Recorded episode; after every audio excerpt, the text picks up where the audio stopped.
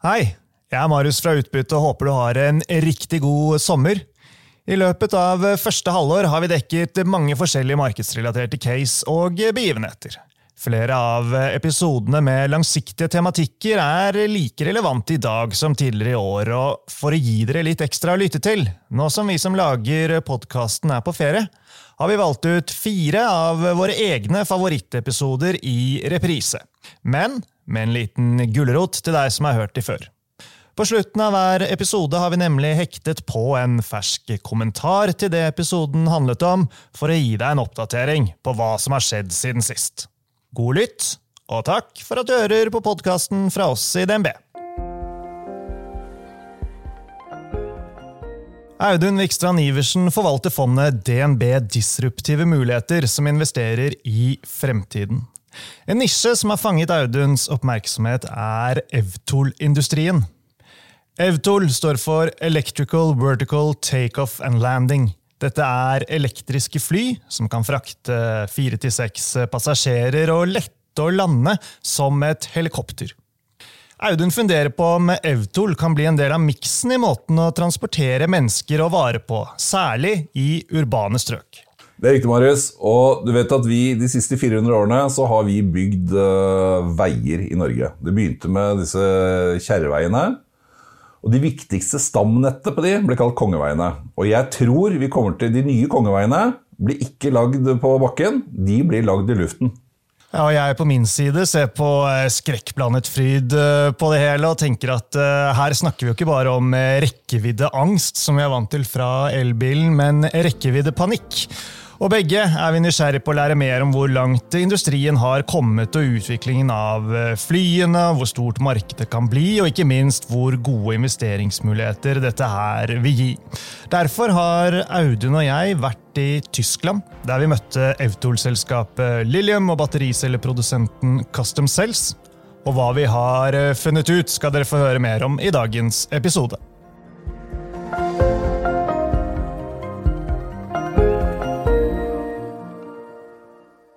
Velkommen til eh, Utbytte, DNB-podkasten der vi forklarer hva som skjer innen globale økonomien og finansmarkedene. Jeg er eh, Marius Brunhaugen, og med meg har jeg altså eh, Audun Vikstrand Iversen. Velkommen tilbake i studio, Audun. Hyggelig å være på tur. Takk skal du ha, Marius. Det er alltid en glede å reise på tur med deg det aller gøyeste og viktigste som jeg sitter igjen med etter at vi har vært i Tyskland og besøkt uh, Evtol-produsenten uh, Lilium, som altså lager uh, flyene. Så Evtol, altså, som det heter på fagspråket, det var å, å se selve flyet. Se på denne modellen i riktig størrelse som uh, de viste fram til oss. Ta på det. Sitte inni det. For dette her, det er en sånn ting man nesten må se med egne øyne for å bli overbevist om at dette her kan bli en del av hverdagen vår innenfor eh, Er du enig? Ja, altså, så er det, Alle vi har jo sånne små forestillinger i hodet om, om en sånn science fiction-film. Og om noen år så begynner vi å lage dokumentarer om, eh, om, science fiction, i den forstand at vi ser at disse tingene begynner å bevege seg ut blant oss. Og, og dette er et område som, som, eh, folk ikke, naturlig nok ikke skjønner så veldig mye av ennå, men som jeg tror vi gradvis kommer til å se kommer mye mye nærmere oss og, og vår hverdag. Det er et stykke frem, fortsatt. Eh, selv om man, eh, man, antar at de første kommersielle rutene vil starte i slutten av 2024, i 2025. Det er ikke så forferdelig lenge til, iallfall ikke i forhold til der hvor folk tror at dette er. For dette er mye mye nærmere enn det vi tror. Så, og så er det en del sånne store hurdles som, som, som, vi skal igjennom. Fordi disse flyene skal være veldig sikre. Og, og ordet sikkerhet og luftfart er mye, høy, det er mye høyere standard enn det er på bilveien. Man prater om 10 minus 9. og det vil si at det, det skal være 1 mil, Hvis vi kjører 1 milliard timer i lufta, så skal det bare feile i én time. Og, og, det er en sånn standard som denne industrien også blir møtt med, som gjør at de må ha veldig mye sertifiserte utstyrsprodusenter, de må ha mange ulike godkjennelser. Og det er et løp som de holdt på med en del år, men, men hvor flere av disse aktørene nå tror at de kommer i mål i løpet av 2024 og 2025. Mm. Og så skal man uh, treffe på et marked, og så skal man også ha dette, med, dette, er, dette, er, en industri som er veldig sånn regulatorisk drevet. for Én ting er liksom å få lov til å fly, en annen ting er å organisere all flytrafikken.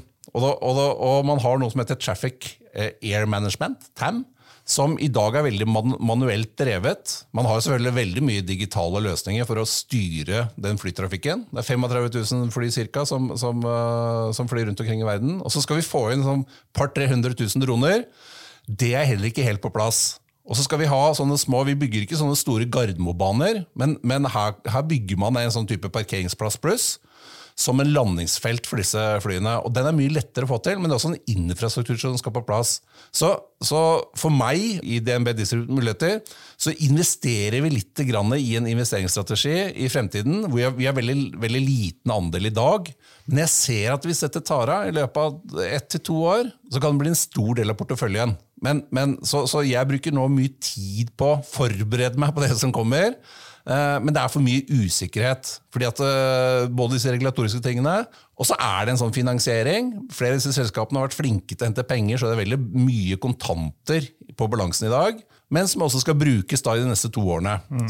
og det er flere aktører som uh, forsøker å, å, produsere disse flyene og vil uh, vinne dette kappløpet. Det er europeere, kinesere, amerikanere. og uh, De ulike EVTOL-ene kommer i litt forskjellige former og fasonger. Noen ser ut som typiske droner som vi kjenner fra før, men dette tyske selskapet som vi var og besøkte, der så det mer ut som et slags fly. Og vi fikk også fløyet simulator, Audun Og en av de tingene som jeg merket meg, nå er ikke jeg noen helikopterpilot, men eh, det virker som at teknologien gjør at det er eh, ganske enkelt å manøvrere disse EV-tolene i forhold til et helikopter. Mindre komplisert, rett og slett. Ja, og det er det de sier. I og med at uh, jeg heller ikke er pilot, så, så, må man nesten høre på hva andre sier, og, og, det er nettopp det man sier. Og jeg, jeg tror mange av oss som har vår, vårt første uh, opplevelse av droner, er jo disse DEJ-dronene som kom for sånn type ti år siden. Og Da oppdager man ganske fort at det er ganske lette å manøvrere, egentlig. Uh, hvis du tenker at du skal kjøre i luften. Som, som er sånn disse små dronene som, som tar kamera osv. Veldig mye av de samme prinsippene er jo overført til disse her. Som gjør at, at uh, man både ser at man kan ha en ganske trygg opplevelse, Samtidig som man også ser at eh, over tid, en eller annen gang etter 2030, at man også kan innføre da at dette er selvkjørende droner. Mm. Hvis vi tar et lite steg eh, tilbake, jeg tror lytterne våre allerede har skjønt at du har jo fulgt med på dette her en stund. Altså, hva var det som fanget Evtol-interessen din i utgangspunktet? Nei, det, altså, veldig ofte så er det jo sånn at uh, når man ser etter nye ideer, så skal det være enkelt å forstå. Og for meg så er det sånn, uh, Jeg er en ganske enkel mann fra Drammen, egentlig. Så, så, for meg så er jo dette med å, tenke at lufta er jo mye bedre infrastruktur enn å drive og bore og kjøre rundt og osv. Alt vi holder på med på, på den fysiske veien, på, på landjorden. Og så er det to andre ting som er veldig viktige. og det er at uh, dette, Selv om man ønsket det for 20 år siden, så har det vært teknisk umulig. Men det som har skjedd med batteriindustrien, er at disse batteriene de har blitt lettere, de har fått høyere energitetthet, og de har blitt billigere. Og Det er en sånn teknologi som nå fortsatt er i veldig kraftig bevegelse. Og Det har muliggjort det, sammen med at man har fått lettere og sterkere materialer, sånn som karbonfiber osv., som vi ser flere av disse designene er knyttet til. Fordi på det flyet som vi så der nede i Tyskland, det veier tre tonn. Ett tonn av de er batterier.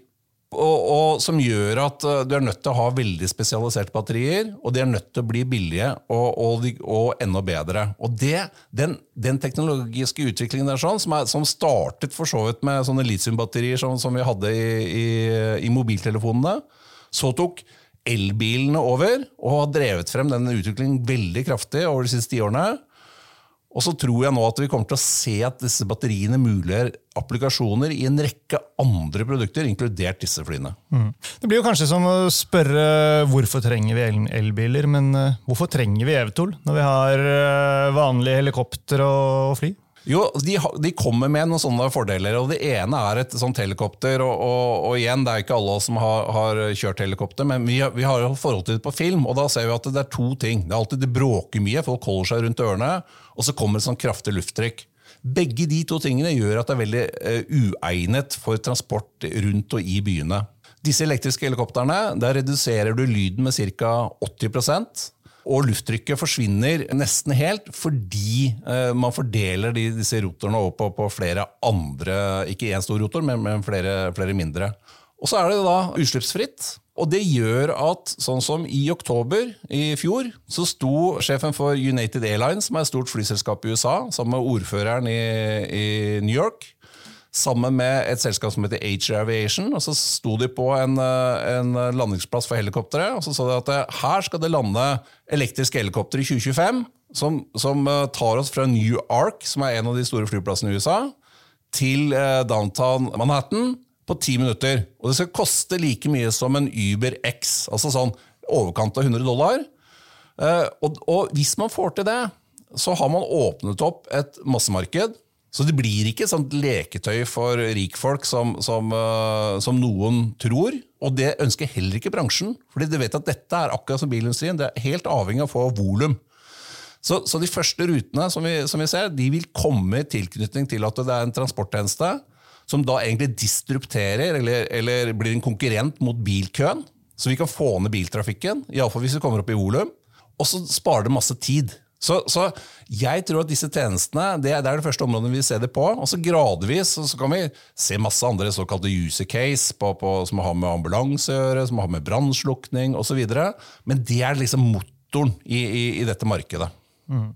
Ja, da kan jeg bare stemme i. Altså, flere av de vi snakket med i uh, Tyskland som jobbet med å lage flyene eller de kom jo fra nettopp Airbus eller uh, Boeing. Uh, de virket jo veldig oppriktige når de sa at dette her var det de så på som deres sjanse til å gi tilbake til fremtidige generasjoner i form av mindre direkte utslipp, da, i motsetning til de tradisjonelle fly og helikoptrene. Og får man aksept for at dette er også et sånn ESG ESG-fremskritt hos myndighetene og opinionen, så eh, vil man jo komme et viktig stykke på vei mot kommersialisering, selvsagt. Absolutt, og, der har man jo testet litt. Nå, nå gir jo besøkt en, tysk produsent.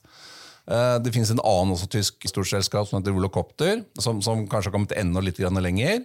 Og det, det skiller, disse, disse, amerikanske produsentene mot de tyske produsentene skiller seg litt. For at De amerikanske produsentene, da, gjennom og, og Yobi, som er to store aktører som er ganske langt fremme, de, de, de, de ligger litt nærmere en sånn type bilindustri. Altså De samarbeider med bilprodusenter når det gjelder produksjon.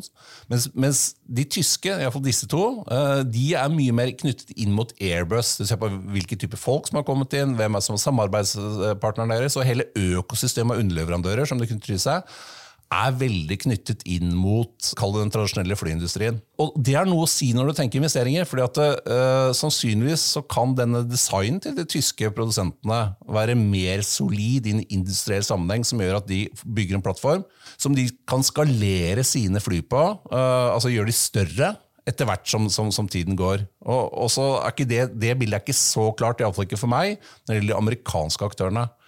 Så, så, så, så det, er litt, sånn, litt, sånne forskjellige ting her, og noen av de veivalgene gjør nå, kan få ganske store konsekvenser i en sånn type sånn fem-tiårsperspektiv. Mm. Ja, som jeg sa innledningsvis, eh, det man eh, ser for seg, eh, i hvert fall nå i starten, da, det er at disse EV-tolene skal frakte fire til seks personer. Det kommer til å være bemannet med en pilot.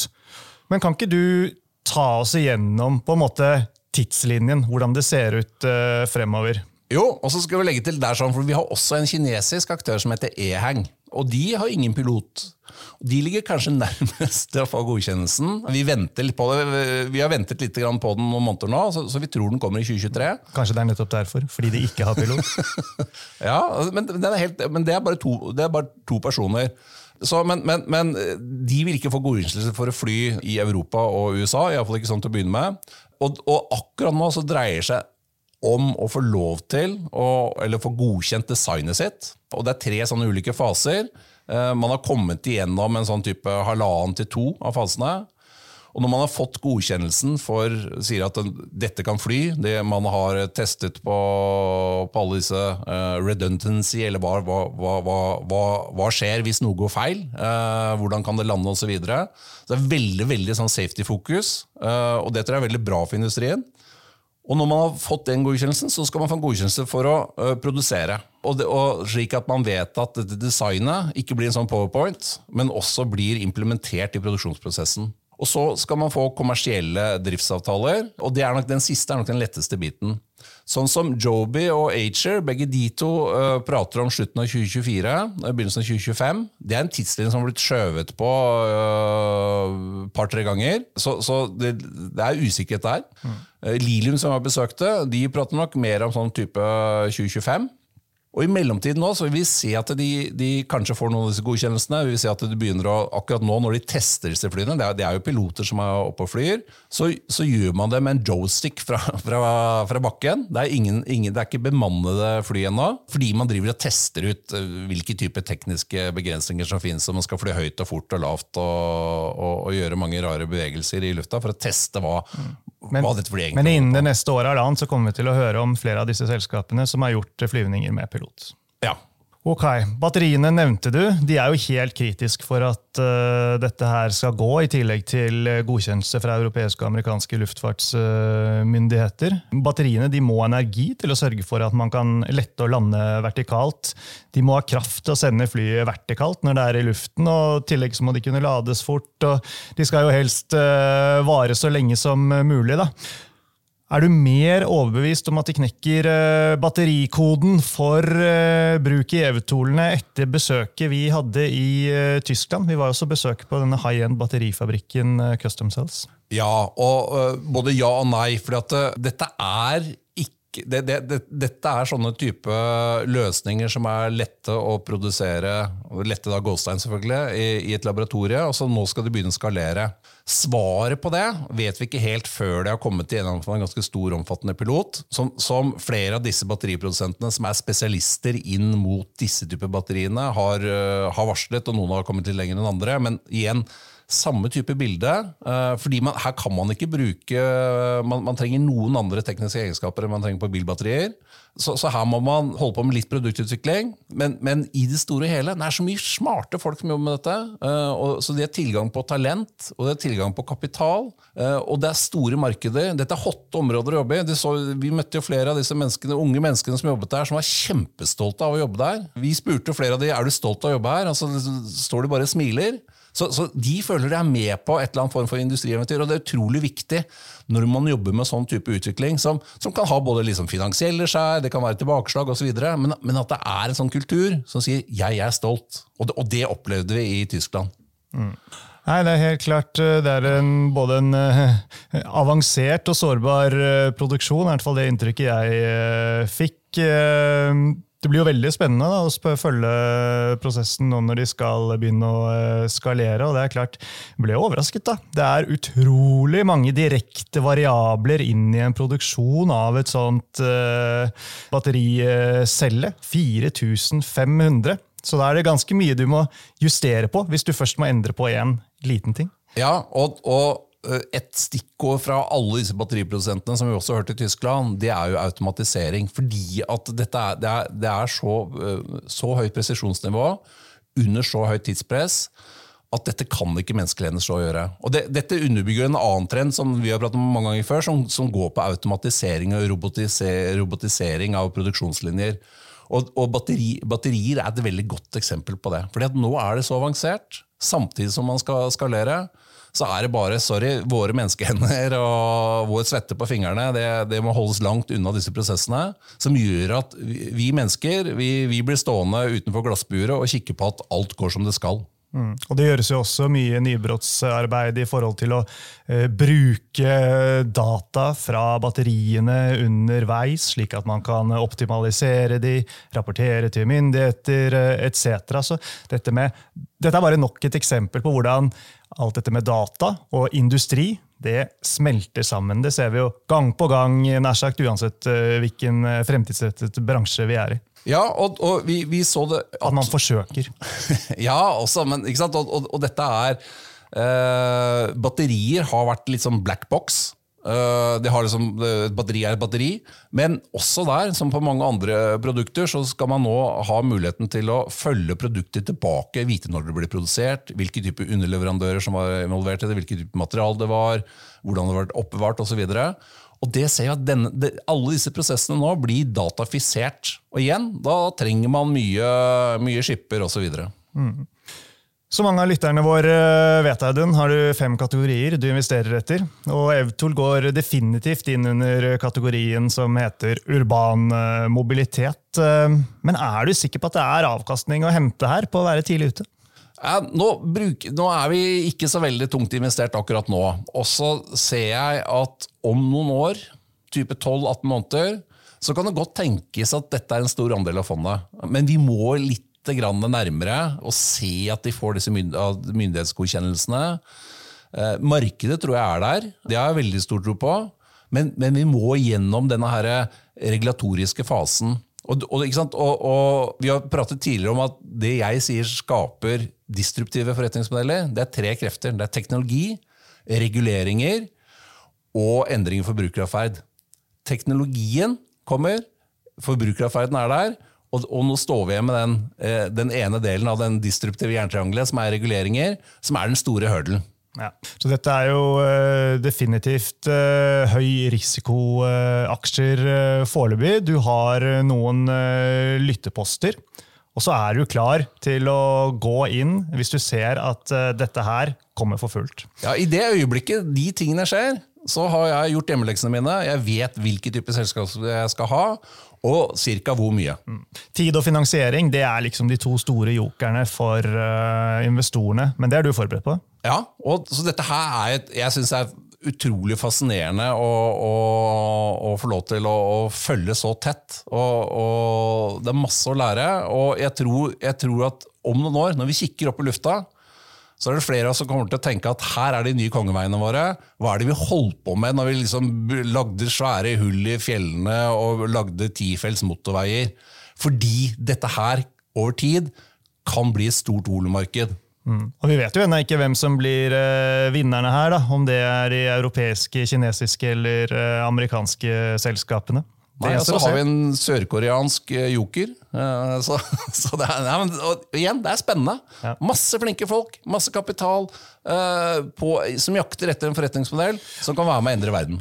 Og Et argument jeg plukket opp som uh, tyskerne vi besøkte, brukte, det var bl.a. at når gigantiske leverandører da, som de har knyttet til seg, som uh, Honeywell, vil uh, samarbeide med dem, så er det på en måte et bevis på at uh, fra leverandørsiden ser de også at Evtool har fremtiden foran seg. Da. De ville ikke brukt tid og ressurser og krefter på det hvis ikke. Nei, og det er jo deler av det kallet den tradisjonelle flyindustrien, uh, iallfall de som sitter med veldig lange briller, som lurer på hvordan ser vi egentlig ut i år 2035? Og hvis man lykkes med å skalere uh, denne, for denne modellen som Lilium har, uh, som er mer jet enn elbilmotor, for å si det sånn, uh, som er en mye kraftigere design, så er det ikke noe vanskelig å se at de kan bygge seg oppover og hele tiden få høyere, større og større rekkevidde. Uh, og det er en ganske stor prosentandel som, som, av flyene i dag som er på sånn 200-250 km lengde. Så, så, så fly, flyselskapene de må følge med. Mm. Men for å oppsummere, da, Audun, altså jeg syns dette har vært utrolig fascinerende og gøy å få et innblikk i. Ehm, er Evtol en del av fremtiden, og hvor attraktivt kan det bli å investere i? Dette kan bli kjempestort. Og så skal vi holde igjen hestene litt nå de, de neste 12-18 månedene. Og så skal vi ta en fot i bakken. Det vil jeg gjerne gjøre med, med deg og, lytterne dine, Marius. Så, så, så, skal jeg fortsette å gjøre hjemmeleksene mine og følge med. Og så skal, jeg, så, så skal, jeg, holde disse litt mindre posisjonene, og så får vi se om vi ordentlig gønner på på et eller annet tidspunkt her.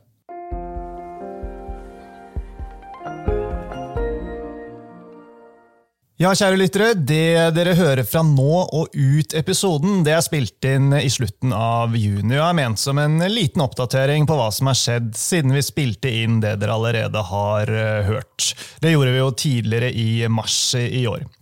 Jeg sitter her med Audun Vikstrand Iversen, selvfølgelig, og jeg må si Audun, at turen vår til Tyskland og eh, Autol-industrien, eh, selv nå som vi har fått det noen måneder på avstand, det sitter i som et uh, skikkelig gøy og, og lærerik opplevelse, som jeg håper vi fikk formidlet til kundene og lytterne våre. Så er spørsmålet, da. Hva har skjedd med Autol-industrien siden mars? Audun, har det blitt nådd noen nye milepæler? Ja, Det er ingenting som står stille i Evtol-industrien. Så siden vi har vært der, så kan jeg, tenkte jeg kunne si litt om industrien. Litt om selskapene og litt om disse aksjene som vi har, har prata om.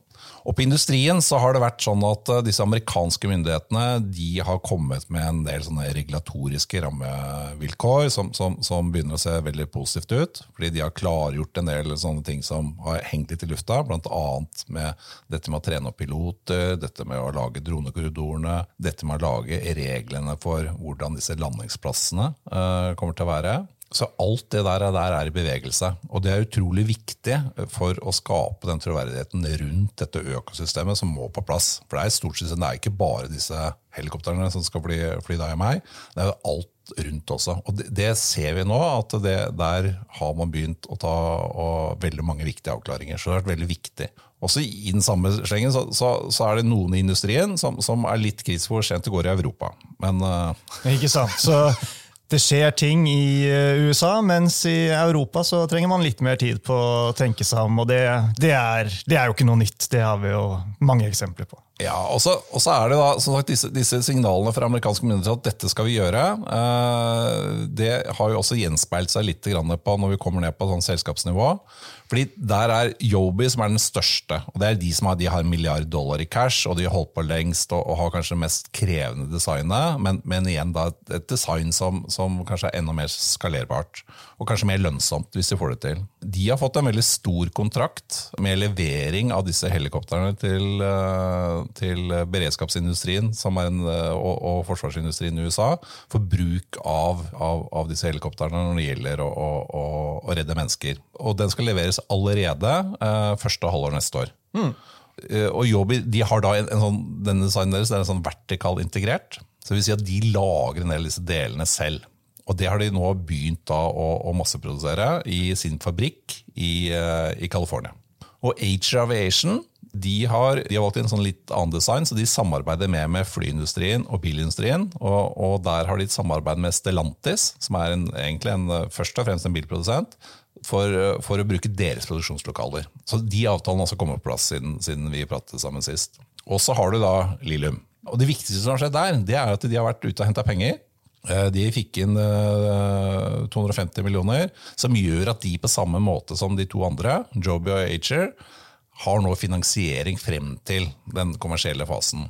Kanskje trenger Lilium litt mer penger, men, men, men uh, nå har de iallfall fjernet et sånt overheng som, som vi diskuterte. Ja, og, og, og, aksjemarkedet, da, hvordan har det reagert siden uh, mars? Snakker vi vertical takeoff eller uh, hard, hard landing? ja. Nei, det, det er jo, Dette er jo en sånn sektor som, som svinger litt, og, og, men det har vært en veldig hyggelig utvikling. Jeg, jeg tror når vi pratet sammen, så var vel ca. dette 2 av, av fondet. Altså, litt sånn forsiktig bet. Og uten at de har kjøpt så veldig mye mer, så er dette, utgjør dette nå drøye 4 av fondet. Og Det er fordi Age Aviation har gått fra sånn 1,80 dollar til 4,60, eh, og Yobi har gått fra 4 til nesten 8. Og Lilium, som hentet penger, den, eh, den, har, den, har, ikke gjort så mye, men det er ikke noe sånn stort bet. Men eh, den gikk jo, fra vi gjør der, så falt den ned til 40 cent, fra 1,10. Og så har den nå gått opp igjen til 1,30-1,40. Eh, mm. Så, og Dette er bare et uttrykk på at, at, markedet nå tar en del av disse signalene på at det, det, virker som at man skal være i stand til å, gjøre dette kommersielt i 2025. Eh, og markedet har blitt litt bedre, litt mer risk on. Og da har disse selskapene rett og slett falt for mye. Så, så, og så har det kommet litt, litt, flere analysedekninger på selskapene. Så det er rett og slett mer, man, man, man begynner å tro på det, man ser økosystemet som, som utvikler seg. Så, så, det er positivt. Det blir kjempespennende å følge med til høsten. Ja. Så i sum da, så er det fortsatt eh, mange gode grunner til å følge med på dette her eh, videre. Det kommer i hvert fall du og eh, fondet ditt til å gjøre. Ja, her skal vi følge med på, for her kan dette kan være kjempespennende. Mm. Da har vi fått uh, gitt dere lyttere en uh, liten uh, oppdatering, så da gjenstår det bare å si fortsatt god sommer, alle sammen, og takk for at du hører på Utbytte.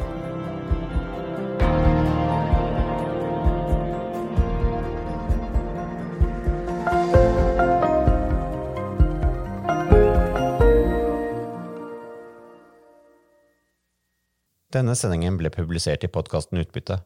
Innholdet i sendingen er å anse som markedsføringsmateriale fra DNB og er ment å være generell spareveiledning. Sendingen skal ikke oppfattes som et tilbud om å kjøpe eller selge finansielle instrumenter, eller som investeringsrådgivning tilpasset den enkelte investors situasjon. En investor som har behov for råd eller har spørsmål om informasjon som gis, bør kontakte en finansrådgiver. DNB påtar seg ikke noe ansvar verken for direkte eller indirekte tap som følge av innholdet i sendingen legges til grunn for eventuelle investeringsbeslutninger. Husk at historisk avkastning aldri er noe garanti for fremtidig avkastning. Avkastningen kan bli negativ som følge av kurstap. Bruk av prognoser for å beregne fremtidig avkastning er heller ingen garanti for fremtidig avkastning. Innholdet i sendingen bygger på informasjon fra offentlig tilgjengelige kilder som DNB ser på som pålitelige, men som ikke er uavhengig verifisert. Følgelig gir DNB ingen garanti i forhold til nøyaktighet og fullstendighet. Alle uttalelser her reflekterer DNBs, den enkelte ansatte, eller andre tredjeparts vurderinger på tidspunktet for den aktuelle sendingen, og kan i ettertid endres uten nærmere beskjed. Ytterligere informasjon om annet kildebruk og interessekonflikter er tilgjengelig på dnb.no skråstrek invest disclaimer.